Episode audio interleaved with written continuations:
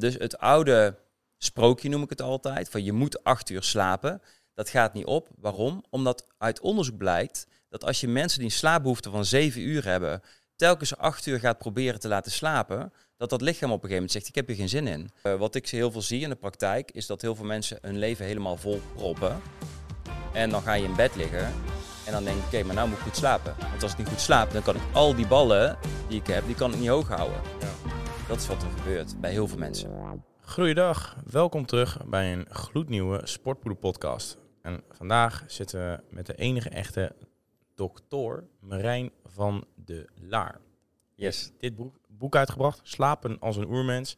En vandaag gaan we het hebben over nou ja, iets wat je een derde van je leven doet, als het goed is, slapen. Um, ja, Marijn, zou je zo misschien uh, eventjes voor kunnen stellen en ja. uh, nou, je, carrière uitleggen? Bijvoorbeeld. Oh, wat, ik, uh, wat ik gedaan heb. Ja. ja. nou, ik heb eerst psychologie gestudeerd, neuropsychologie in Maastricht. En vanuit daar ben ik eigenlijk gewoon psycholoog geworden. gezondheidszorgpsycholoog, veel mensen behandeld met angst- en stemmingsproblemen. En toen dacht ik op een gegeven moment, ik wil me eigenlijk gaan specialiseren. En toen ben ik bij Kempa gaan werken, Centrum voor Slaapgeneeskunde. En daar heb ik heel veel mensen behandeld met slaapproblemen. En ook een promotiestudie gedaan rondom slapeloosheid. Dus mensen die slecht slapen. Nu werk ik bij de huisartsopleiding als adjuncthoofd en geef ik ook heel veel lessen en trainingen aan psychologen en psychiaters. En doe veel aan de media ook, rondom slaap. Oké.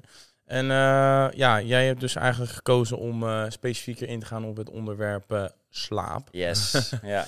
wat, wat is voor jou de beweegreden daarvoor geweest? Ja, ik was zelf een slechte slaper. Dus zeg maar in mijn twintiger jaren, dat, is, ja, dat is al een tijdje geleden, toen, toen merkte ik op een gegeven moment dat ik echt steeds slechter ging slapen. En uh, ik kon er eigenlijk niet echt de vinger op leggen. Dus uh, wat ik ging doen op een gegeven moment, is ik ging van alles doen. Ik ging ontspannen, ik ging uh, alle hè, dingetjes doen die je moet doen. Zoals op tijd naar bed, een vast ritme. Maar ik merkte gewoon dat dat niks uithaalde. En ik ging bij Kempenhagen werken en daar, dus dat Centrum voor Slaapgeneeskunde. En het grappige was, ik ging dus mensen zelf behandelen met slapeloosheid. Terwijl ik zelf ook slapeloosheid had. Dus ik dacht, als ik nou mezelf leer beter slapen, dan kan ik het misschien patiënten ook doen. En uh, dat ging goed. Dus ik merkte dat uh, een ja, bepaalde methode, we zullen het straks even over hebben, denk ik. Uh, die heeft mij heel geholpen om binnen een paar weken weer op de, op de rit te komen. Ah, een paar weken al. ja, zeker. Ja. Oké. Okay. Um, ja, want nou ja, dan, dan, dan trap ik hem eventjes af met een centrale vraag die wij hebben opgesteld voor deze podcast. Omdat natuurlijk het onderwerp slapen mhm. centraal staat. Um, wat is het belang van slaap voor de algemene gezondheid en het nou ja, mentale of fysieke welzijn van de persoon? Ja. Nou ja, je moet eigenlijk slaap zien als een uh, manier om je batterij op te laden. Dus als ik het heb over slaap, heb ik het over herstel. Uh, dan heb ik het over mentaal herstel en fysiek herstel. En je hebt verschillende typen slaap. En de verschillende typen slaap zijn ook belangrijk voor de verschillende typen herstel.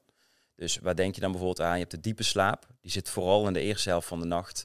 En die is vooral heel belangrijk voor je fysieke herstel. Dus stel je hebt echt diepe slaaptekort, dan kun je echt fysieke problemen gaan krijgen. Maar bijvoorbeeld de droomslaap, hè, dus uh, dromen uh, en wat met name de tweede helft van de nacht plaatsvindt, is weer belangrijk voor je mentale herstel en voor verwerking. Dus je hebt eigenlijk verschillende typen slaap die belangrijk zijn. Bijvoorbeeld lichte slaap is dan de derde slaap. En die lichte slaap, als je bijvoorbeeld overdag een dutje doet, hè, stel je zou dat doen, je gaat even 20 tot 30 minuten een dutje doen en je bent eigenlijk een goede slaper, want dan mag het ook alleen maar als je slechte slaper bent. Dan moet je natuurlijk geen dutje doen. Maar als je goede slaper bent, doet een dutje, dan kan het ook je oplossingsgericht vermogen vergroten en creativiteit vergroten. Dus dat is weer de functie van de lichte slaap. Um, als we dan kijken, want jij zei natuurlijk, er zijn meerdere factoren wat betreft slaap, of meerdere soort periodes ja. in je slaap. Ja. Um, je zei lichte slaap, dan heb je nog je um, diepe slaap, diepe slaap en je droomslaap. En je droomslaap. Ja. En dat zijn eigenlijk de drie categorieën waar we naar kijken binnen slaap. Of? Ja, als je gaat kijken naar de, de hoofdcategorieën, zijn dat de drie hoofdcategorieën. Ja. Waar valt remslaap dan in? Want die hoor ik ook heel Remslaap is ook droomslaap. Oh, dus eigenlijk een andere naam voor droomslaap. En rem staat dan voor rapid eye movement. Dus Hè, wat je vaak ziet bij mensen die aan het dromen zijn, is dat ze heel snel hun ogen zo op en neer bewegen. Mm -hmm. En uh, ja, dat is specifiek een kenmerk van de droomslaap, van de remslaap. Ja, oké. Okay. Uh, dus welke kwam nou als eerste? Dat was de... Als eerste is met name, dus de eerste vier tot vier en een half uur heb je vooral diepe slaap. Maar je hebt ook al wel een beetje droomslaap en lichte slaap. Mm -hmm. Maar de meeste diepe slaap, dus die echt belangrijk is voor je fysiek herstel, is in de eerste vier tot vier en een half uur. Oké. Okay. En wat, wat gebeurt daar dan precies in voor het lichaam, om het maar zo te zeggen? Ehm, nou, je ziet sowieso uh, groeihormoon. Uh, zie je dat heel erg wordt afgegeven. Hè? Dus je ziet echt spiergroei vindt vooral plaats ook in die, in die diepe slaap. wat je ook ziet is bijvoorbeeld wondherstel. vindt ook heel erg plaats in die diepe slaap. Ehm, maar bijvoorbeeld ook het geheugen, dus echt een basale functie, het geheugen, uh, wordt uh, voornamelijk in de diepe slaap geregeld. Vervolgens in het droomslaap wordt dat ook versterkt. Mhm. Maar de basis voor je geheugen ligt ook een beetje in de diepe slaap. Oké. En um, hoe, hoe werkt dat dan precies? Want je zei net die verdeling qua aantal uren ongeveer. Mm is dat dan verhoudingsgewijs? Of is het gewoon echt, stel je slaapt zes uur, dan pak je wel de eerste twee en alleen die laatste twee pak je dan niet mee? Of hoe moet ik dat zien? Ja, dat is wel, wel, wel een mooie dat je dat zegt. Want je hebt natuurlijk heel veel verschillen in hoe, hoe mensen slapen. Hè? Dus, dus sommige mensen slapen zes uur, sommige mensen slapen negen uur. En betekent dat dan dat iemand die maar zes uur slaapt, bijvoorbeeld, of die zes uur slaapt, dat hij maar twee uur diepe slaap heeft? Mhm. Um, nou, je moet altijd zo zien dat ongeveer 25% van je slaap is ongeveer diepe slaap. 20 tot 25% 20 tot 25% is droomslaap en de rest is lichte slaap. Zo moet je het een beetje zien. Um, maar we zien meestal mensen die dus uh, kortslaper zijn, bijvoorbeeld mensen die echt een hele korte tijd eigenlijk al fit zijn. Dus mensen die vijf uur slapen en die dan opstaan, dan zijn ze meteen helemaal fit, kunnen ze de dag aan. Dat die uh, een hele goede diepe slaap hebben. Dus die hebben juist een hele mooie gecomprimeerde, op elkaar gedrukte diepe slaap. En uh, het is niet per se dat dat minder is dan iemand die bijvoorbeeld zeven of acht uur slaapt. Mm Want dat is natuurlijk ook al een beetje een discutabel onderwerp. Uh, er wordt altijd vaak gewoon gezegd van ja, een derde van de dag, dus mm acht uur. Um, maar je zegt net zelf ook, er zijn mensen die vijf uur kunnen slapen. Uh, welke profielen uh, zijn er eigenlijk wat betreft slapers? Ja, dat is een goede vraag trouwens, want heel vaak wordt daar niet naar gekeken. Heel vaak wordt alles op één hoop gegooid. Hè? Ja, dat is het ehm, meest makkelijk. Dat is het meest makkelijk voor iedereen. Maar... Juist. dat je bijvoorbeeld zegt, nou iedereen moet gewoon acht uur slapen. Maar dat, zou een shotgun approach. ja, ja, ja. Precies. Maar dat is hetzelfde als tegen iedereen zeggen, je moet 4000 calorieën eten.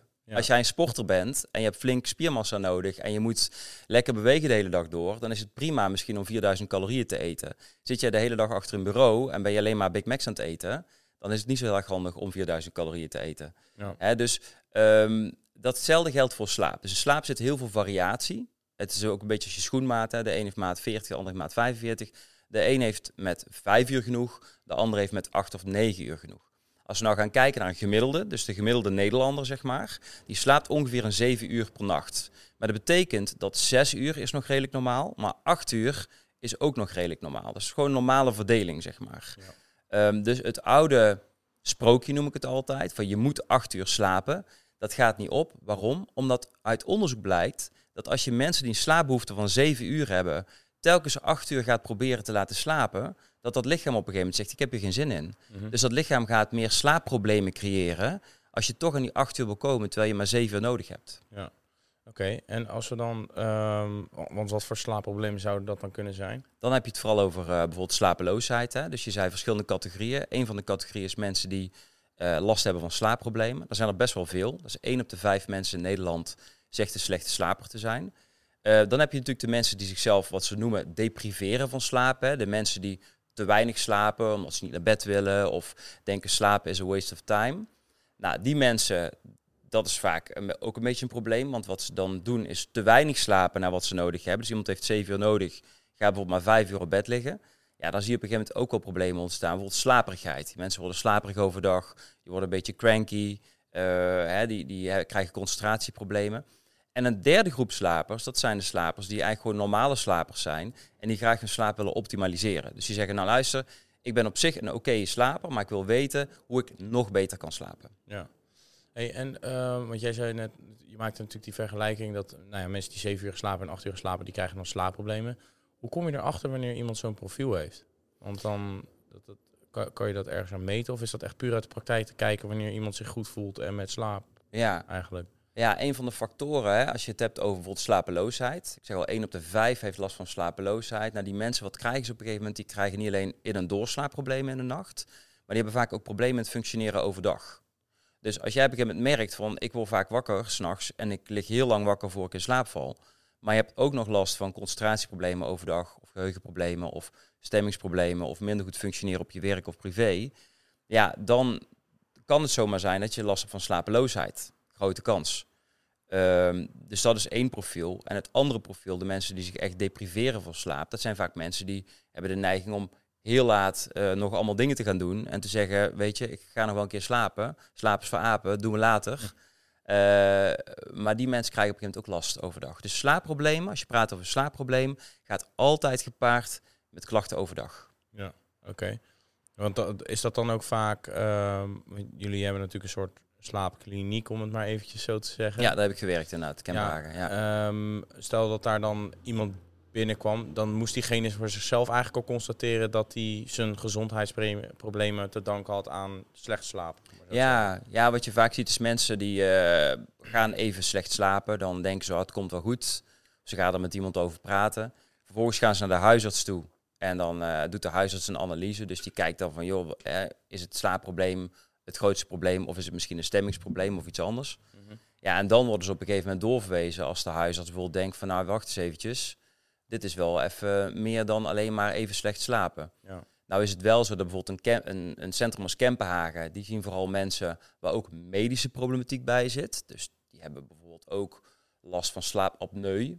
Hè, dus dat je echt s'nachts moeite hebt met je ademhaling en dat soort dingen. Dus echt medische dingen.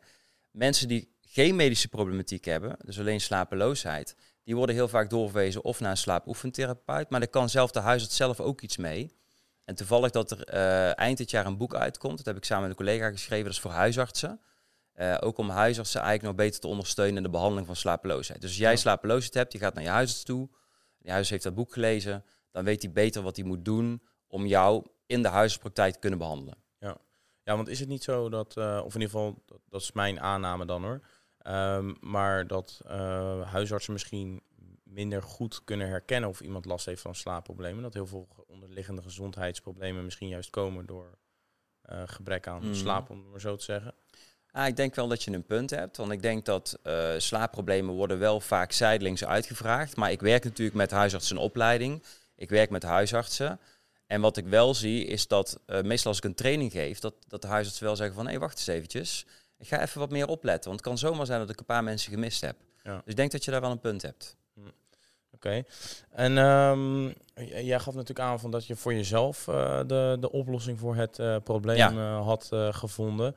Um, want is, is dat. Um, welke problemen doen er zich eigenlijk voor waardoor je niet kan slapen? Want het is voor mij een hele mm. onbekende materie. Dus ja. ik zou eigenlijk ook niet echt Jij was een goede slaper, hè? Eh, ik wel, ja. ja ik heb op zich van mezelf, ik heb dat ook al een paar keer eerder geuit. Ik slaap gewoon altijd eigenlijk 8 tot 9 uur per nacht. dat is echt best lang. Ja. en ja, dat is gewoon best wel voor een goede, diepe, diepe slaap, om ja. zo te zeggen.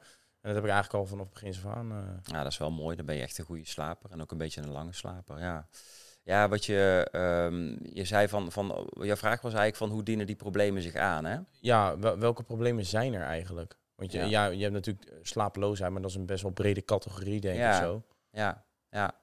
Nou ja, um, wat je vaak ziet is wat slapeloosheid veroorzaakt. Uh, daar zijn drie verschillende dingen. Als je kijkt naar de basis, hè, er zijn wel meerdere dingen, maar drie dingen die heel belangrijk zijn als je het hebt over waarom gaat iemand slecht slapen. Het eerste heeft te maken met je omstandigheden. Nou, dat zijn dingen die weten we allemaal. Bijvoorbeeld, je moet niet te veel licht doen net voordat je naar bed gaat. Je moet niet uh, super intensief sporten net voordat je naar bed gaat. Uh, je moet niet vet eten voordat je naar bed gaat. Hè. Sommige mensen zitten met een zak chips uh, op de bank nog net voordat ze naar bed gaan. Niet eens. nee, precies. Nee, die tips, daar komen we denk ik zo meteen nog ja, ja, ja, precies. Ja, ja. Maar, dus dat zijn de omstandigheden. Dan heb je uh, stress. Dus heel veel mensen zeggen ook van ja, weet je, uh, ik slaap slecht, want ik ontspan onvoldoende. En daar zit zeker wat in. Hè. Heel veel mensen zijn ook te gestrest. Uh, er komen heel veel dingen op mensen af. ze zijn druk in hun hoofd. Dan gaan ze in bed liggen en denken ze, nou, nu moet het gaan gebeuren. Nou, doen ze de ogen dicht. Denken ze, shit, het lukt niet. Weet je? Dus dat, dat is wat ik ook heel veel zie. En de derde categorie, en dat was, dat was mijn categorie eigenlijk, want die andere twee categorieën, dat had ik onder controle. Maar die derde categorie had vooral te maken met slaapdruk. Ik weet of je daar ooit van gehoord hebt. Nee, ja. Slaapdruk is een heel, nou is wel, wel, wel logisch dat je daar niet van gehoord hebt, want het is ook een principe, we kennen het op zich al wel langer, maar de laatste jaren is er heel veel onderzoek naar gedaan. En slaapdruk dat het heeft te maken met een stofje in je brein, het heet adenosine. Nou, de meeste mensen kennen dat stofje niet. Melatonine kennen we allemaal. Ik, eh, ik ken adenosine difosfaat en Ja. adenosine trifosfaat. Want dat is, creatine heeft daarmee te maken. Ja, ja, ja, precies. Ja, ja, ja, ja. Is dat dezelfde vorm van adenosine? of Eh, ik verwacht, ik weet het heel even niet, want ik ben natuurlijk niet geen stofjescanner, maar ik weet wel dat adenosine, zeg maar de neuromodulator in je brein, dat is dus echt een stofje wat in je brein wordt aangemaakt, dat dat heel erg je slaap kan beïnvloeden. Eh, en eh, dat heeft dus te maken met die slaapdruk. En dan zul je misschien denken, wat is slaapdruk? Nou, ik weet niet of je het ooit hebt gehad, maar je zit s'avonds op de bank en je merkt op een gegeven moment dat je begint te knikkenbollen. Dat gehad?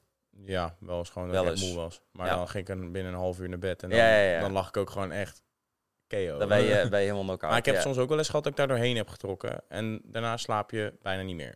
Oh ja, ja, ja, ja, dat je eigenlijk een beetje op adrenaline gaat, zeg ja, maar. hè? soort Ja. van wel, denk ik. Ja, precies. Ja, nou dat, dat, dat moment dat je begint te knikkenbollen, dat is een teken dat je slaperigheid, oftewel je slaapdruk, heel erg hoog is. Je kunt het soms ook achter het stuur hebben, natuurlijk levensgevaarlijk. Dus dat je begint te knikkenbollen, soms ook even weg bent. Eh, dan is je slaapdruk heel hoog. En dat is een teken dat het stofje adenosine in je brein super hoog is opgebouwd. En er zijn twee factoren die dat stofje kunnen beïnvloeden. En de eerste heeft te maken met hoeveel je beweegt. Dus of je sport, wat je doet aan beweging. Mhm. En de tweede heeft te maken met je bedtijden. En wat heel veel mensen doen met slapeloosheid, is die gaan langer op bed liggen. Want die denken, ik moet meer slapen. En je voelt hem al, door langere bedtijden aan te houden, bouwt het stofje minder op, de adenosine, krijg je juist meer in- en doorslaapproblemen. Plus die mensen zijn moe, dus ze gaan vaak minder bewegen. En wat je dan ziet, is juist nog meer minder opbouw van adenosine. En uiteindelijk kom je dan in een cirkel terecht. En dat was bij mij ook. Dus ik merkte, ik was aan de ene kant, had bij mij ook wat met stress te maken. Ik was met een project bezig en daar was ik super creatief, lekker mee aan het werken. En ik was s'avonds nog allemaal dingen aan het bedenken. Dus dat was het, het stressstuk. Maar ik ging ook veel te lang in bed liggen. Ik dacht op een gegeven moment, ik blijf maar tot tien uur in bed liggen. Misschien slaap ik nog. Ja, en dat zorgt er dan weer voor dat je alleen maar slechter gaat slapen. Oké. Aha. Dus dat zijn eigenlijk de, of in ieder geval dat is dan de, de, de, de oplossing bij wijze van spreken. Dus vaste bedtijden hanteren. Ja, en niet te lang op bed gaan liggen. Ja, precies. Oké. Ehm, wat, wat voor andere veel voorkomende slaapproblemen zijn er? Als we kijken naar de data binnen Nederland. Nou ja, de eerste slapeloosheid, dus daar hebben we het net over gehad. De tweede slaapapneu. En slaapapneu, dat is een, eh, dat noemen we ook wel een organische slaapstoornis, oftewel een medische slaapstoornis. Mhm. En wat dat mee te maken heeft, dat is dat je eh, s s'nachts tijdens je slaap, eh, door een beetje het, zeg maar, het dichtvallen van je, van je, van je, van je luchtpijp, Mhm. eh, zie je dat mensen minder zuurstof in hun bloed krijgen. En wat gebeurt er als je minder zuurstof in je bloed krijgt? Dan gaat je lichaam je wakker maken om adem te halen. Oh. En wat je dus ziet bij die mensen is dat ze telkens, als ze richting een diepe slaap gaan, die super belangrijk is voor lichamelijk herstel, dat ze weer wakker worden. Dus die mensen laten ook een beetje een ander patroon zien qua klachten dan mensen met slapeloosheid. Omdat die mensen worden slaperig overdag. Ja. Mensen met slapeloosheid zijn meestal niet slaperig overdag, die zijn wel heel moe. Maar mensen met slaapapneu, dat zijn echt de mensen die ongewenst vaak in slaap vallen overdag. Ah, oké. Omdat ze het gewoon niet trekken s'nachts. Omdat Nee. ze eigenlijk in, theo in praktijk of in theorie niet hebben geslapen. Ja, de diepe slaap hebben ze niet gehaald. Ja, en die dus- diepe slaap is juist belangrijk voor dat lichamelijk herstel. En dan bouwt die slaapdruk zich flink op. Als je echt een diepe slaaptekort hebt. Eh, die adenosine die schiet omhoog. En ja, dan, dan word je gewoon continu slaperig. Oké. Ehm, ja, wa- wat zijn de meeste, eh, vol- volgens jou, de grootste, eh, nou, misschien mispercepties wat betreft slaap die er Mhm. eh, heersen, om maar zo te zeggen? Want jij bent natuurlijk Ja. niet voor niks op social media actief. Ja, klopt. Eh, je bent ook scherp, eh, omdat ik jou ook overal, of nou ja, niet overal, maar op heel veel onderdelen zie reageren. Ja. over wat wel en wat niet klopt. Ja. Wat zijn volgens jou veel nou ja, percepties die er heersen wat niet zo is? Of fabels Ja. die rondgaan wat Ja. betreft slaap? Nou, de eerste heeft dus te maken met die acht uur. hè. Ik zeg al, zeven uur is heel normaal. Zes uur kan heel normaal zijn. Kijk vooral wat jouw slaapbehoefte is. Hoe kom je erachter wat je slaapbehoefte is? Dat is dus door te kijken, heb ik slaapproblemen s'nachts? Nee. Denk ik dat ik misschien wat te weinig slaap? Ga je bedtijd een beetje uitbreiden. En kijk eens wat dat doet. Of je dan goed blijft slapen en je beter gaat voelen overdag. Dus dat is één. Twee heeft te maken met heel veel mythes die we eigenlijk zien op social media. Dat heeft vooral te maken bijvoorbeeld, ik noem er eentje, bijvoorbeeld mondtape, eh blauwlicht filterbrillen, eh, dat soort dingen. Ehm, daar is vaak wel ergens een stukje wetenschappelijk onderzoek naar gedaan. En daar komen ook wel ergens wat resultaten uit. Maar wat je heel vaak ziet bij die dingen, is dat het oftewel uit de context gehaald wordt Dus ze hebben dat bijvoorbeeld getest bij een hele kleine groep die niks zegt over de algemene bevolking. Dus dat niet representatief is? Juist, bijvoorbeeld mondtape is een voorbeeld. Mondtape is getest, maar mond... Wat is dat dan? Ja, dan moet je s'nachts je mond dicht tapen. Heb je nooit gezien? Nee. Er zijn een paar mensen die zijn helemaal actief met die mondtapes. Eh, Dan moet je je mond dicht tapen en dan ga je beter slapen, zeggen ze dan. Huh. En dat wordt dan ook zo gebracht. Alleen het nadeel is dat het wordt zo gebracht. En ik, ik ben dus naar het onderzoek gaan kijken. Ik denk, ja, waar gaat dit over, weet je wel? Waarom weet ik dit niet? Bij een Ja. slaapcentrum gewerkt en nou, ik heb niemand met mondtape naar buiten zien lopen. dus blijkbaar gaat hier iets mis. En toen ben ik dus naar het onderzoek gaan kijken. Toen dacht ik, hé, hey, wacht eens even. Het is een hele kleine groep, oké, die onderzocht is. Maar het is ook nog een groep met slaapapneu. Dus het zijn die tweede slaapstoornis waar ik, waar ik het over had. En die mensen gingen minder snurken. Waardoor ze ook wat beter gingen slapen. Maar dat wil niet zeggen dat iedere Nederlander die dus mondtape op zijn mond doet, in één keer beter gaat ja, slapen. precies. Vertekend beeld. Dat soort dingen. Een blauw lichtfilterbril. Toevallig was er eh, twee weken geleden is er een review uitgekomen. Is een heel groot onderzoek met allemaal onderzoeken die gedaan zijn. Daar blijkt uit dat die blauw lichtfilterbril, dat die eigenlijk helemaal niet zo heel veel, dat er weinig bewijs voor is. Mensen schaffen allemaal die brillen aan. Hè, dus als jij zo'n bril op je neus zet, je zegt, ja, dit is goed, dan gaan mensen dat doen. Dus Ja. dat, dat gebeurt heel veel rondom slaap. Oké.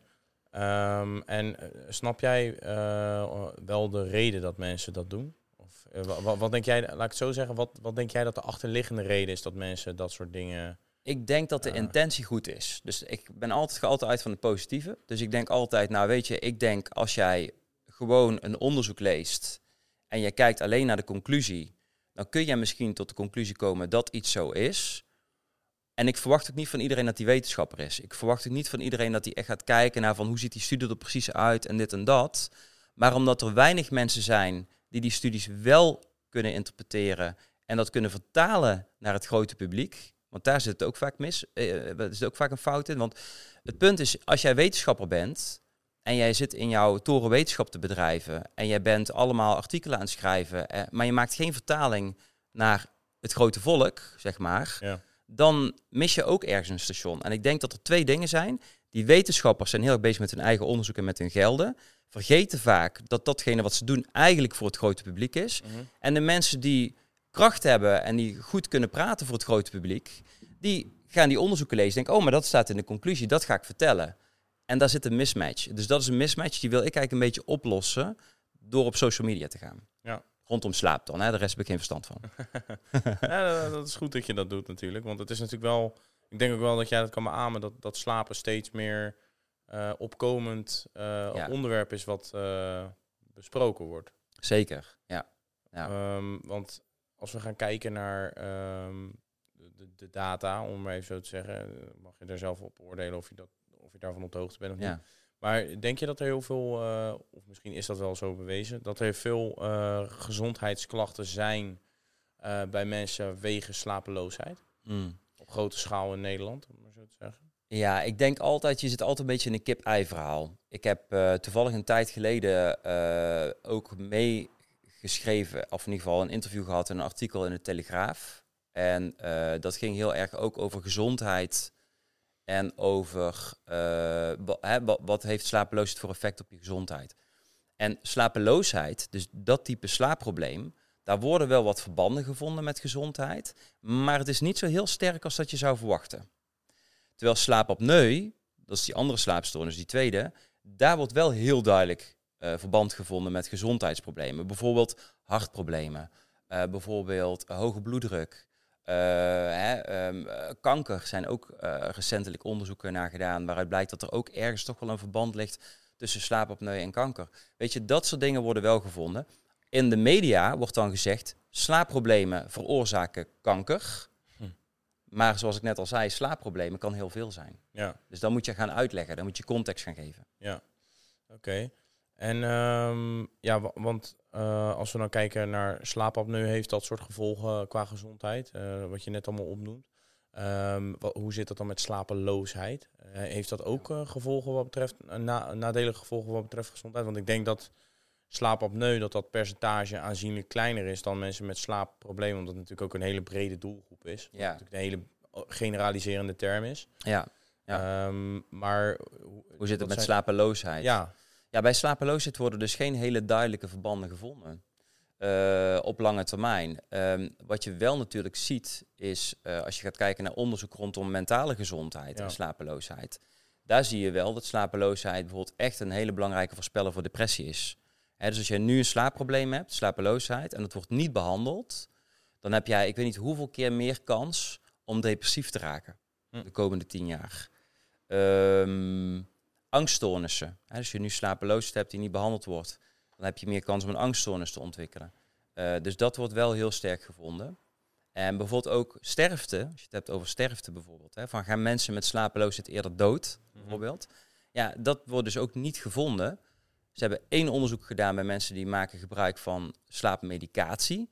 En mensen die de slaapmedicatie gebruiken, daarvan zien we wel een associatie of een verband met eerder overlijden. Oké, want eh, wat voor slaapmedicatie is dat dan? Ja, je hebt verschillende typen slaapmedicatie, maar de benzodiazepines, dus dat is een, een, ja, een beetje sederende medicatie, zeg maar. Die wordt het meeste voorgeschreven. Dan moet je denken aan temazepam, lorazepam, eh dat soort dingen. En daarvan zien we dus ook dat het je slaapstructuur op een negatieve eh, manier kan beïnvloeden. Dus het kan ervoor zorgen dat jouw diepe slaap, die superbelangrijk is voor je lichaam, dat die verminderd wordt door het gebruik van benzo's. Ja. Dus ik ben ook altijd voor slapeloosheid behandelen op een natuurlijke manier en met zo min mogelijk medicatie als het kan. Sommige mensen moeten uiteindelijk medicatie gaan gebruiken, maar gezien de bijwerkingen zou ik eerder zijn voor natuurlijk eh, behandelen. En ehm, als je kijkt naar de afgelopen jaren, ehm, is, de, is de slapeloosheid, of in ieder geval de eh, slaapproblemen over Mhm. het algemeen, is dat eh, aanzienlijk toegenomen? Ja, we zien dat slapeloosheid wel toegenomen is. Ehm, we zitten nu op een chronische slapeloosheid. Dus dat betekent langer dan drie maanden last hebben van slapeloosheid en klachten hebben overdag. Eh, dat is ongeveer 12% van de bevolking. Dat betekent dat 1 op de 8 mensen een slaapprobleem heeft, slapeloosheid heeft, die echt belemmert in het dagelijks functioneren. Dus dat is een grote groep mensen. Best wel aardig wat inderdaad. En wat denk jij dat, eh, dat- dat de oorzaken daarvan zijn dat, dat die slapeloosheid eh, toeneemt? Zijn er oorzaken van gevonden? Of, eh, Ja, ik denk zelf dat... een verwachting daarbij? Ja, ik heb daar wel een idee over. Ik denk dat het te maken heeft met een toenemende druk.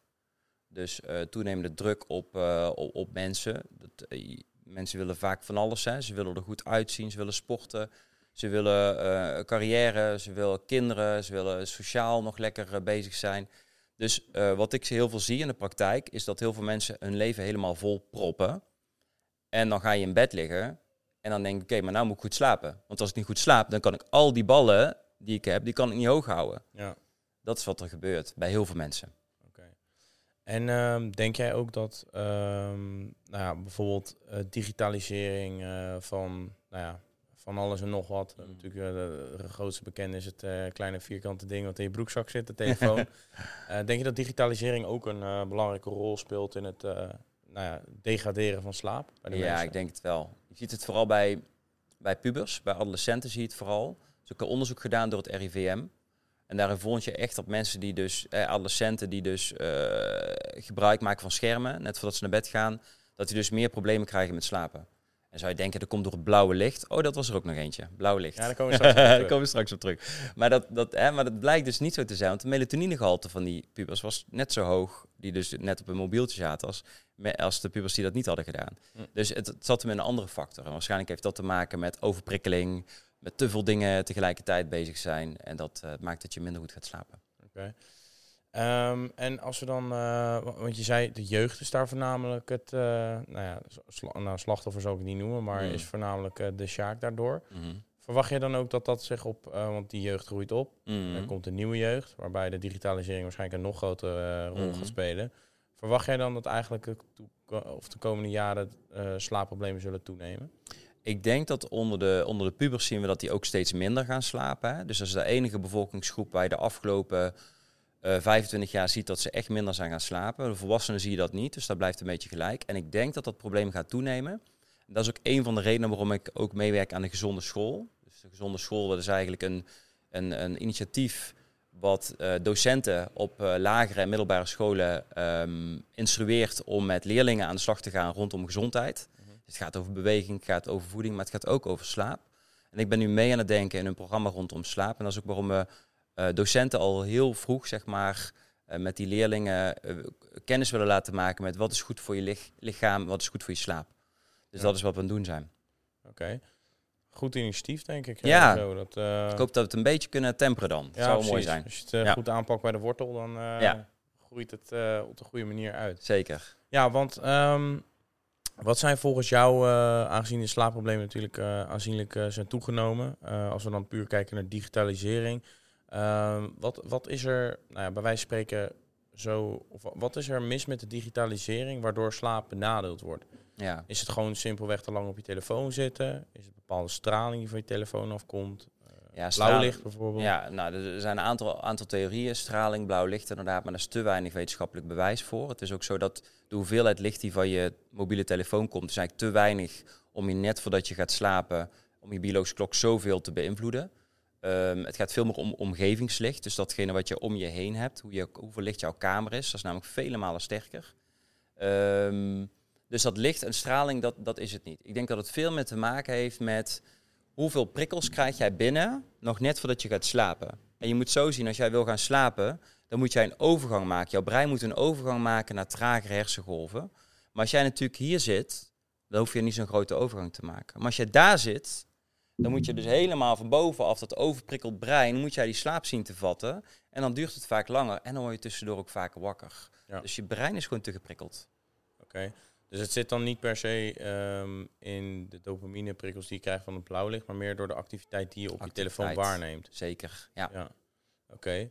En want dat is wel. ehm, kijk, ik heb dan die, eh, die kleurfilter, want daar had je toen Mhm. op gereageerd. Want daardoor ken ik jou ook, omdat Ja. je toen op een van onze reels had gereageerd. Ja. En toen dacht ik, nou kijk, ideaal. Kunnen we gelijk een podcast erover Ja, opnemen. leuk. Ja. Ehm, ik heb natuurlijk die, eh, die, die kleurfilter, dat, eh, dat ik dat blauwlicht, eh, of nou ja, puur blauwlicht is het niet, maar dat het in ieder geval dat blauwlicht Ja. uitgaat. ja. Het is wel gek, want ik heb wel, en dat is dan anekdotisch bewijs, Ja, ja, ja. eigen Mhm. ervaring, dat ik er wel vermoeider van word. Door als Ja. ik naar mijn telefoon aan het kijken ben, dat, omdat die helderheid zodanig laag staat Mhm. en natuurlijk dat, dat het blauwe licht weg is, omdat het gewoon puur rood is, Mhm. ehm, dat ik dan wel vermoeider daarvan word. Ja. Is daar een verklaarbare reden voor? Of is dat...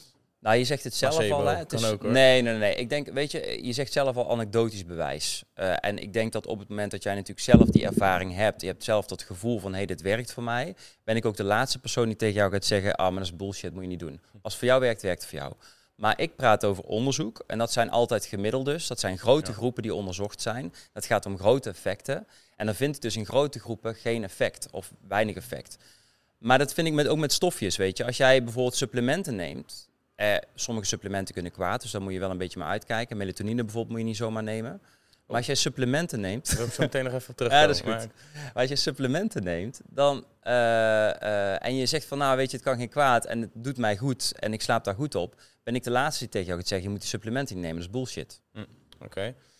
Eh, nog gelijk even een vraagje tussendoor. Ehm, ik heb zelf, en, dat is dan ook weer een eigen praktijkervaring, want voor mij is dat niet wetenschappelijk bewezen. Mhm. Ik had het vanochtend toevallig ook over met Joe Beukers in de podcast, want daar had het ook een klein stukje over slaap. Ah ja. Ik heb vroeger vanaf eh kinds af aan altijd een warme beker melk met anijs. Staafjes anijs, ken je dat? Ja, ja, ja, anijs ken ik, eh, ja. En, en honing gekregen. Mhm. Ja, ik heb er wel eens onderzoek naar gedaan. Ik heb niet kunnen vinden dat Nee. dat bijdraagt aan slaap. Nee, klopt. Maar ik slaap daar een partij diep van. en ik word gewoon, ik zeg altijd één staafje voor goede slaap, twee staafjes om niet meer wakker te worden, want ik slaap gewoon dwars door mijn wekker heen. Ah, serieus? Ja. Ja, Is weet je wat het punt is? Ja, je zegt het heel mooi, er is geen wetenschappelijk bewijs van. Sterker nog, je moet drie liter melk drinken, wil je een beetje positief effect hebben op je slaap. Er zit wel een Nou, stofje in wat We wat doet. het jongens, eiwitshakes. nee, dus niet te veel doen, want dan moet je s'nachts natuurlijk wel uit om, om naar het toilet te gaan. Ja. Dus ehm, weinig wetenschappelijk bewijs voor op die manier. Maar slaap is wel een gedrag. En wij leren door associaties. Dus als jij de associatie of de koppeling gelegd hebt tussen dat glas warme melk met anijs en goed slapen, kan het zomaar zijn dat het voor jou werkt. Maar dit kan ook met die filterbril zo zijn. Ja. En wat ze natuurlijk in onderzoek doen, is dan halen ze dat effect er een beetje uit door allerlei manipulaties. En dan zeggen ze ja, of jij nou een warme beker melk met anijs drinkt, of je drinkt, eh, nou cola zou ik niet doen, maar of je drinkt bijvoorbeeld eh, warm water. Als jij dat, die koppeling gelegd hebt in je hoofd, dan Ja. werkt dat voor jou. Dus dat is eigenlijk gewoon een eh, placebo plus plus. Ja, de associatie die je waarschijnlijk gemaakt ja, hebt. precies. Ja. Oké. Zo zie je maar hoe erg eh, placebo's eh, van invloed kunnen zijn, om maar zo te Ja. zeggen. Hey, eh, jij zei ook, eh, omdat we het nu natuurlijk eigenlijk over anijs, dat is een soort, nou, ik zal het niet een supplement hebben, maar een soort voedingsachtig Mm. iets. Jij zei melatonine. Ik Ja. hoor, dat, dat is wel echt iets wat ik heel erg terug zie komen binnen Ja. de fitnesscommunity. Ja, ook veel supplementenbedrijven die dat verkopen tegenwoordig voor juist met de propositie dat het slaap verbetert. Mhm.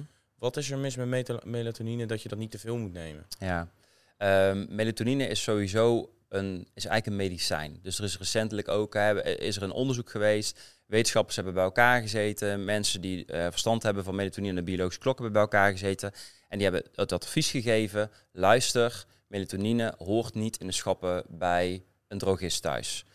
Want het is een medicijn. Zoals jij ook geen antibiotica zomaar over eh, de counter kan krijgen, moet je dat met melatonine ook niet doen. Waarom? Ik ga je ook uitleggen waarom. Melatonine is een lichaams-eigen hormoon. Op het moment dat jij melatonine te laat neemt, of op een fout tijdstip neemt, of je neemt een foute dosering, kan het meer kwaad doen dan goed. Ehm, en nog een ander ding is dat melatonine, de enige indicatie om melatonine te nemen, en dan wel via de huisarts, is als jij een verschoven ritme hebt. Dus als jij problemen hebt in je biologische klok. Je hebt mensen die vallen heel laat in slaap en die worden heel laat wakker. Bijvoorbeeld mensen met ADHD of autisme, die hebben daar eerder last van. Maar ook mensen die dat niet hebben, kunnen ook bijvoorbeeld echt nachtmensen zijn en s ochtends heel veel moeite hebben om eruit te komen. Ehm, en in dat geval zou melatonine kunnen helpen, maar dan moet je ook altijd zorgen dat er een zorgprofessional met je meekijkt. Want ga je te veel nemen, ga je te laat nemen, dan kun je echt veel meer kwaad doen dan goed. Dus ik ben altijd heel voorzichtig met melatonine. Oké. Ehm, ik, eh, dat had ik niet verwacht, omdat ik het Mm. eh, heel erg... Want ik zie dat wel... Zie, zie jij dat zelf ook, dat het heel erg vaak gebruikt wordt door mensen? Absoluut. Ja, ja. En, ja dat, daar, wat vind je daarvan? Vraag maar. ik vind het, het, het, het is voor mij een teken. Het is voor mij een teken dat heel veel mensen worstelen met hun slaap. En dat vind ik, dat moet je serieus, serieus nemen. Serieus, serie dat moet je serieus nemen. Ehm, omdat ik denk dat eh, het een teken is, mensen proberen van alles om beter te kunnen slapen. En ehm, ja, wat, wat, mijn, wat mijn idee zou zijn, is ga vooral kijken wat je zonder die supplementen en zonder die pillen allemaal kan doen. En toevallig heb ik met een collega een tijdje geleden op thuisarts.nl, wat een beetje de website is voor huisartsen, een tekst gemaakt over. En dat heet Ik ga korter op bed liggen om beter te slapen. En ik adviseer mensen ook heel vaak, kijk op die website www.thuisarts.nl. Ik ga korter op bed liggen om beter te slapen als je Mhm. last hebt van slaapproblemen. Uh, want bij heel veel mensen werkt dat. Als je echt een verschoven ritme hebt, dus een goede slaper bent, maar te laat uh, slaapt en te laat wakker bent, of je bent heel slaperig overdag, dan moet je niet korter op bed gaan liggen. Uh, maar dan moet je even naar de huisarts toe en dat verder uit laten zoeken. Ja, oké. Okay. Um, nou, oké. Okay. Ja, duidelijk geen melatonine dus. Want nee. kijk, als ik het uh, voorbij, of in ieder geval, ik denk dat bij de gemiddelde volgers van ons, als ik daar naar kijk, of in ieder geval de mensen die wij bereiken, um, dat zij eigenlijk voornamelijk die melatonine gebruiken Ja. om het hele pakket te optimaliseren. Dus Ja. het is niet per se dat ze slaapproblemen hebben. Nee. Alleen het is puur preventief om slaap misschien nog beter te maken dan dat het al is. Alleen Ja. dan zou jij dus eigenlijk adviseren om dat niet te doen. Nee, want ook is gebleken dat melatonine uh, in het algemeen niet leidt tot verbetering van slaap. Dus het leidt wel tot de verschuiving van je ritme. Het is een klokhormoon. Dus zoals Mhm. adenosine is een hoogte van slaperigheidshoormoon, zeg maar. Of Ja. het is een modulator. Maar, en um, uh, melatonine is dus, heeft te maken veel meer met je klok. Met je biologische klok. Dus als jij je slaap wil optimaliseren, bij de meeste mensen is er niks aan de hand met die klok. Dus dan heeft het geen zin om melatonine te nemen. Ik weet niet, hoe, want hoeveel doseren, hoeveel zit er dan meestal in? Uh, poeh, daar vraag je me wat. Daar kan ik wel heel eventjes snel opzoeken van de gemiddelde. Maar dat, Ja. uh, nee, voor mij, want wat zou dan bijvoorbeeld de dagelijkse maximale hoeveelheid zijn, om het maar zo te zeggen? Ja, weet je, als je het hebt over, uh, stel er zou echt gewoon 0,1 milligram of zo in zitten, dat is natuurlijk niet zo heel erg veel. Maar stel er zit echt 3 milligram in, ja, weet je, dan, dan heb je het echt over hele forse doseringen die echt gebruikt worden bij mensen met echt biologische klokproblemen. Dus, uh, maar ik zou sowieso, ja, weet je, wat de dosering eigenlijk ook is, ik zou het sowieso niet, niet gebruiken. Ja, er zijn namelijk best wel veel supplementenbedrijven die, um, um, het is een halve milligram. Oh ja. Uh, maar er zijn best wel veel supplementenbedrijven die um, nou ja, het uh, als supplement aanbevelen voor Ja. uh, slaap. Alleen voor wat jij omschrijft, en dat er laatst een heel dokterscollectief Ja. bij elkaar aanwezig is geweest, dan denk ik dat er wel stappen tegen ondernomen moeten worden. Denk Dat, ik. dat gaat ook gebeuren. Dus Oh, oké. uiteindelijk denk ik ook, hè, doordat dat advies is uitgebracht, dat uiteindelijk ook de ehm, melatonine gaat straks ook verdwijnen eh, achter de schappen van, eh, van de apotheek. En dat is ook waar die hoort. Ja. Ja. Oké, en ehm, hoe uitzicht dat? Is dat bijvoorbeeld dat de NVWA gaat ingrijpen? Want eh, in de supplementenbranche, als ik het dan eventjes zo bekijk. Ja, nou ja, op een gegeven moment ga je dan wel. Ja, ik ik denk dat in ieder geval de geneesmiddelenbranche zal daar wel iets van vinden op een gegeven moment. Ja. Hè? Dus, eh, en die zullen dan op een gegeven moment waarschijnlijk ook gaan ingrijpen. Ja, het rapport is pas van een paar maanden geleden. Oké. Uh, het duurt altijd even voordat dat soort dingen eventjes. gaan. Ja, daarom. Dus, Mm. Maar ik verwacht dat wel. Nou, Ja. Oké, mocht je dit horen en je gebruikt melatonine zonder goede reden of zonder huisartsvoorschrift, Stoppen. stop ermee. Oké. Hey, ehm, ja, wa- wa- wat betreft eh, tips eh, voor het optimaliseren van de slaap. Want kijk, wat de grote overlap is tussen het optimaliseren van slaap en nou ja, gymrats, om maar zo te zeggen. Mhm. Eh, zoals jij ook al aangaf, eh, we willen genoeg slapen om eh, die spiergroei te maximaliseren. We hebben het ook al vaak genoeg in de podcast gehad over met, met J-Way. Dus denk ik ook geen bekende, Ja, ja, ja. onbekende van ja, jou. die ken ik, ja. Die nou, ook aan het micromanagen is vooral. Ja. Niet alleen wat betreft slaap, maar ook andere dingen in het leven. ja. Ehm, wa- wat zouden jouw tips zijn om die slaap te bevorderen voor de gemiddelde, nou ja, laten we zeggen 16 tot 25 jaar oud? Ja, ik denk dat je eerst moet kijken welke categorie behoor ik toe. Dus ben ik de categorie mensen met slapeloosheid, dus heb ik problemen met de kwaliteit van de slaap, word ik vaak wakker, eh, lig ik lang wakker. Die mensen zou ik zeggen, ga eens op thuisarts kijken. Ik ga korter liggen, eh, op bed liggen om beter te slapen. Eh, je zou inderdaad ook het boek Slapen als een oermens, hè, maar je kunt heel veel dingen erover vinden, ook op het internet, van hoe kun je slapeloosheid behandelen door bijvoorbeeld je slaapdruk op te hogen, wat meer te ontspannen. Dus dat is één groep. De andere groep, dat zijn de mensen die zeggen slapen, dat eh, komt wel, heb ik allemaal niet nodig. Nou ja, we weten dat in principe de slaapkwaliteit, dus hoe je slaapt, is belangrijker in de meeste gevallen voor spiergroei dan de duur van de slaap. De onderzoeken die gedaan zijn naar spiergroei en of naar eh, ehm, zeg maar eh, wat je doet in de sportschool en hoe je geslapen hebt, daar hebben ze mensen echt super kort laten slapen. Dus eh, stel je laat jou met je 8, 9 uur in een lab zeven dagen lang maar vier uur slapen. En dan zeg je, nou, ga nou maar eens even lekker eh, benchpressen. Ik word echt helemaal gek denken als dat... Ja, nou ja, weet je, dus, maar dat is extreem. Dus die, die onderzoeken zijn gedaan. En ik, het is heel mooi, maar dat zijn labonderzoeken. Dat zijn onderzoeken met extreme waarden. Dus slaapkwaliteit is altijd het belangrijkste. Kijk eerst of je lekker inslaapt, lekker doorslaapt. Tweede is, als je denkt dat je te weinig slaapt, ga dan eens proberen om twee weken lang je bedtijden wat uit te breiden met een half uurtje per week. En kijk eens of dat je dan ook beter presteert in een sportschool. En of dat je ook beter presteert in je dagelijks functioneren op je werk, waar dan ook.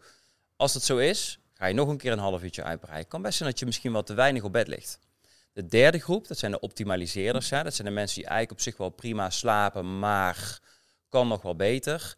Ja, wat ik daar meestal zeg is gewoon eigenlijk de standaardadviezen. Probeer in ieder geval redelijk vaste bedtijden aan te houden. Zodat je niet die social jetlag krijgt hè, van het weekend eh, tot heel lang in bed blijven liggen. En dan weer door de week zoveel moeite krijgen om in slaap te komen.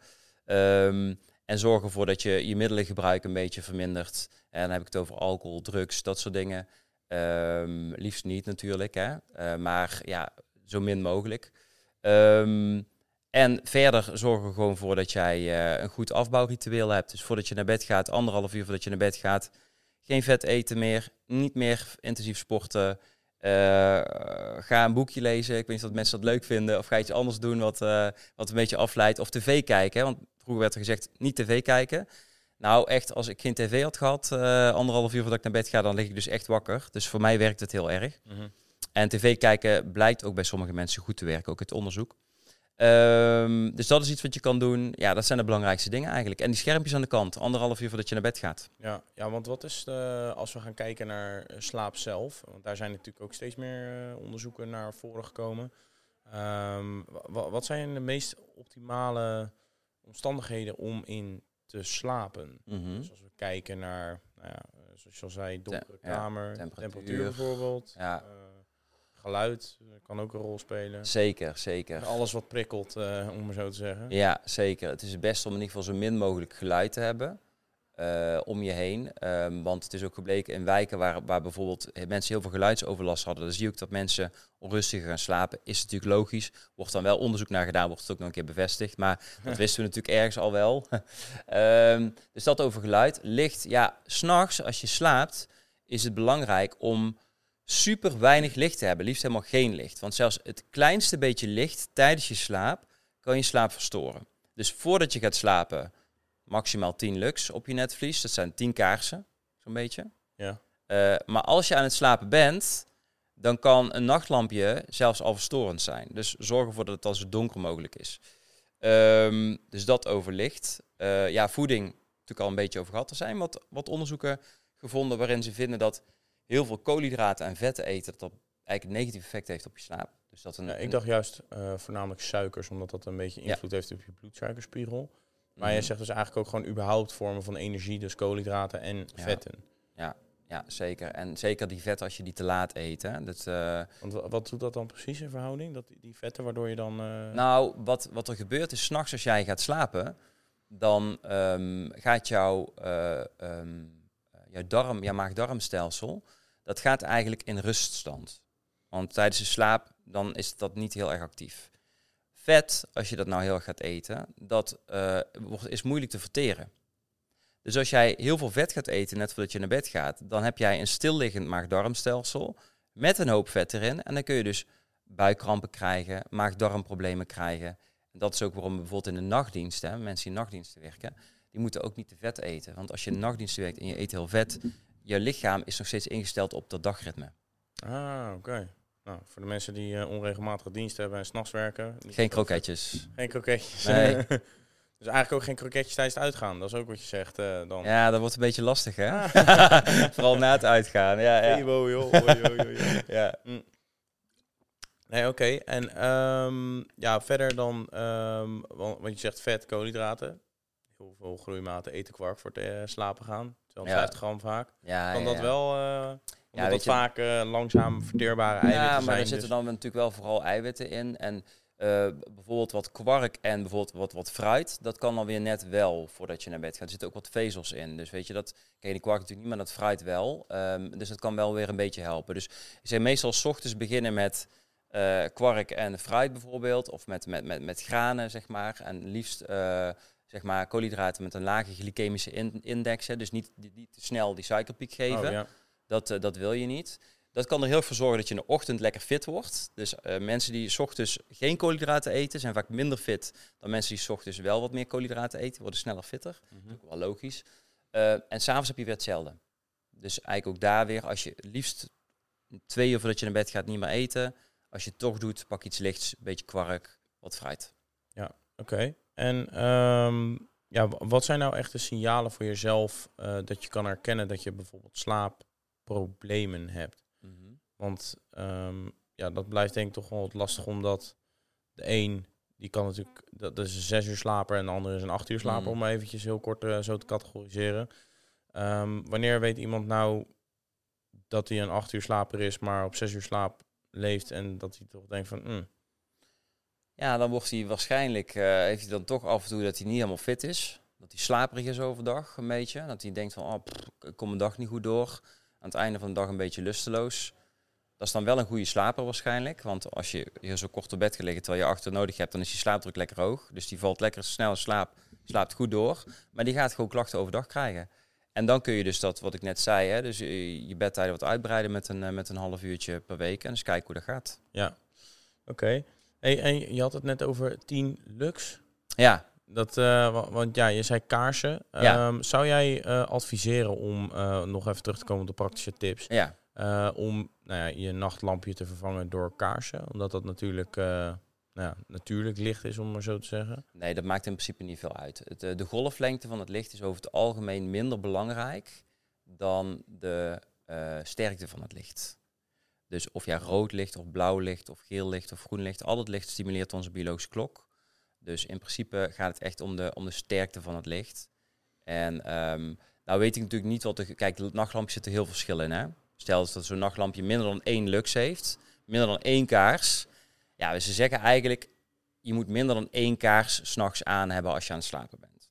Gewoon niks aan. Eigenlijk gewoon niks, ja. ja, ja. Dus dat zou natuurlijk het beste zijn. Ja. En zouden dan bijvoorbeeld, eh, want dat, dat, de, de lampjes van je televisie of eh, iets in die Mhm. trant, is dat dan ook een, eh, nou een vijand zal ik het niet noemen, maar een, eh, of het eh, lampje van je oplader waar je, waar je horloge op ligt Ja. of weet ik veel wat. Dus zou, Dat zou ik echt heel even op moeten zoeken, dat weet ik dus niet. Want ik moet eerlijk zeggen dat ik zelf nou, ik, ik weet niet of jij het herkent. Ik word dus wel eens ooit wakker als dat mijn mobiel in één keer zo'n licht, uh, lichtflitsje geeft, weet je wel. Oh, dat heb ik uitstaan, want anders ook... ja, ik word sowieso nergens wakker van. Dat, ja, ja, precies. Ja, maar je een emmer water over... Nou, misschien dat ik daar wel wakker voor word. Zou het eens moeten testen. Maar dat... Ik heb ooit met iemand gewerkt, die had een, ook heel veel moeite om wakker te worden. dat was in het, het programma Bizarre Slapers op SBS6. Daar behandel ik tien mensen met, sla met slaapproblemen. En er was er eentje en die uh, had s ochtends heel veel moeite om uit bed te komen. Die heeft zelfs zo'n stroombandje gekregen. Dus een, dus een pavlok. En die werd dan op een gegeven moment... Dus uh, eerst kreeg hij dan een geluidje.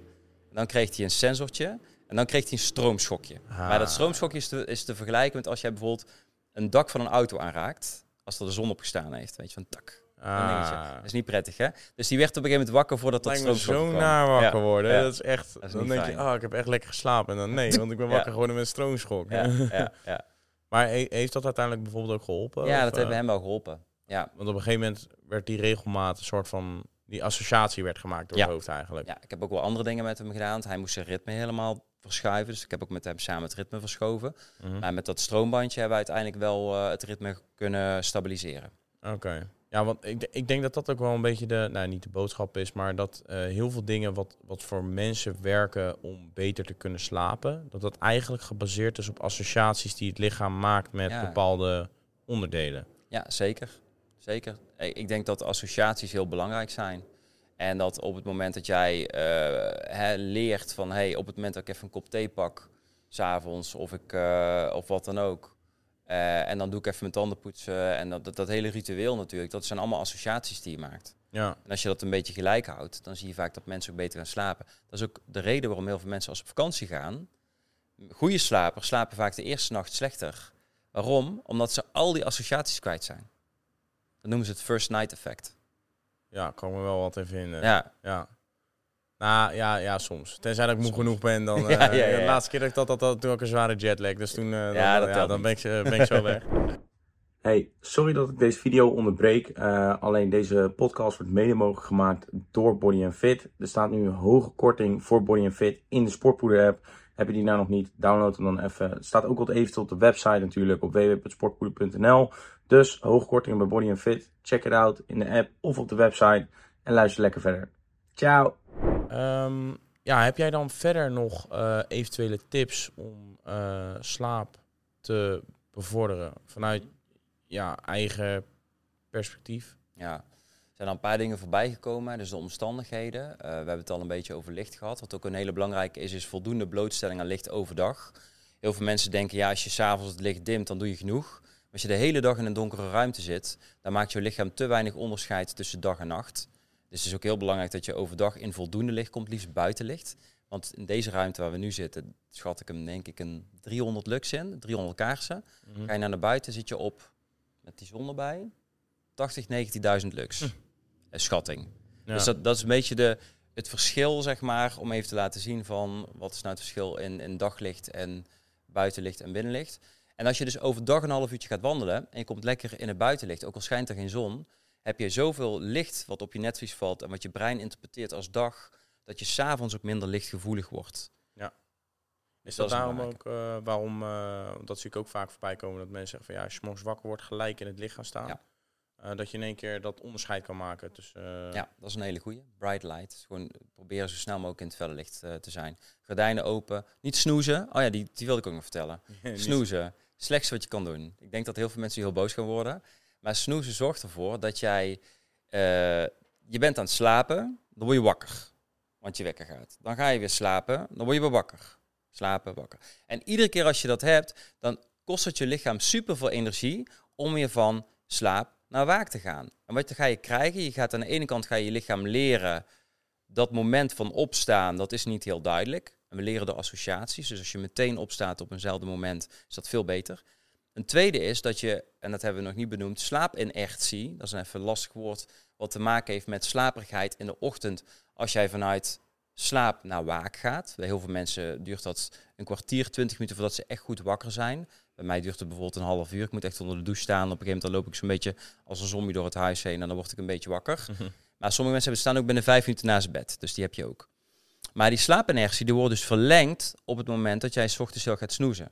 Dus ah. beter je wekker zetten, misschien ietsjes later dan je eerste snoesmoment, maar dan wel meteen eruit. Gordijnen open en dan eh, aan je dag beginnen. If you snooze, you lose. Yes.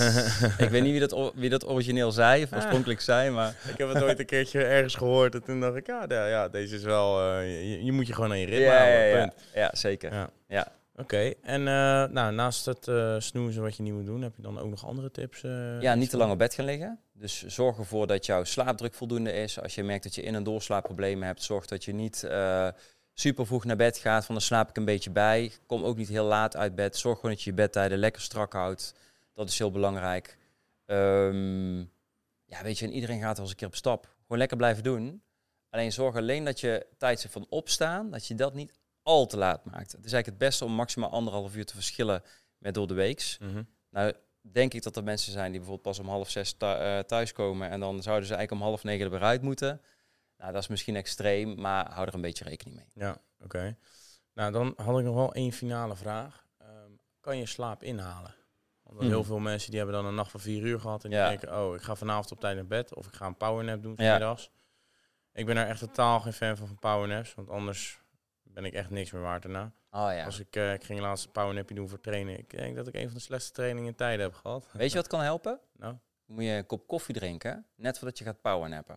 oh, Flinke stevige kop koffie, dus echt eh, met flink wat cafeïne erin. ja. Dan kan het zijn dat je na die 20, 25 minuten, als je een beetje wakker wil worden, een beetje meer een kickstart krijgt door de cafeïne. Zeg ik gek, je gaat koffie drinken, je gaat slapen, maar dat kan helpen. Nou ja, ik neem meestal na die slaap een overdosis aan cafeïne. Dus dat Ja, ja, gaat, ja. eh, wij wij een scoepen beetje. nogal veel. Dus Ja. dat, eh, Ja, nee, maar zou je die slaap kunnen, kunnen inhalen? Het officiële antwoord is, je kunt 25% van je slaap inhalen. Eh, wat ik meestal zie, en dat zie je ook vaak gebeuren bij mensen die vakantie hebben, is dat ze de eerste week van de vakantie vaak langer slapen dan dat ze doen als ze aan het werken zijn. En dat is een beetje die inhaalslaap. 25% kun je ongeveer inhalen. De rest ben je kwijt. Aha, dus dat is eh, geen winst. Mm.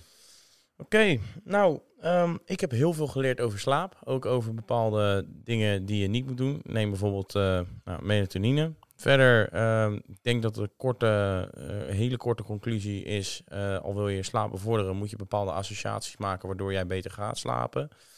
Ehm, ja, dokter, dokter Marijn ehm, heeft ook een eigen boek, Slaap als een oermens. Dus eh, mocht je nou s'avonds een keer met eh, kaarslicht een boek willen lezen, kan je deze natuurlijk aanschaffen. Ehm, ik wil jou in ieder geval hartelijk bedanken voor jouw aanwezigheid en voor jouw delen van jouw kennis over slaap. Omdat Yes. dat toch iets is wat we een derde van elke dag doen, eh, of een derde van het leven als het goed is. Ja, dus volg Marijn nog eventjes op, op Instagram voor de waardevolle tips over slapen. Dr. Slaap, DR Slaap. DR. Slapen, ja. DR Slaap. Ehm, ja, en eh, laat nog even een eh, like achter op deze video. Klik op die abonneerknop en laat nog even vijf sterretjes achter. En eh, bedankt voor het luisteren en het kijken. En tot de volgende keer weer. En Marijn, hartelijk dank. Graag gedaan. Ciao. Bedankt voor het luisteren naar deze podcast. Kleine reminder nog voor de Sportpoeder app. Die kan je gratis downloaden in de App Store en in de Google Play Store. Voor de hoogste kortingen op jouw favoriete supplementenmerken, zodat jij nooit meer te veel betaalt.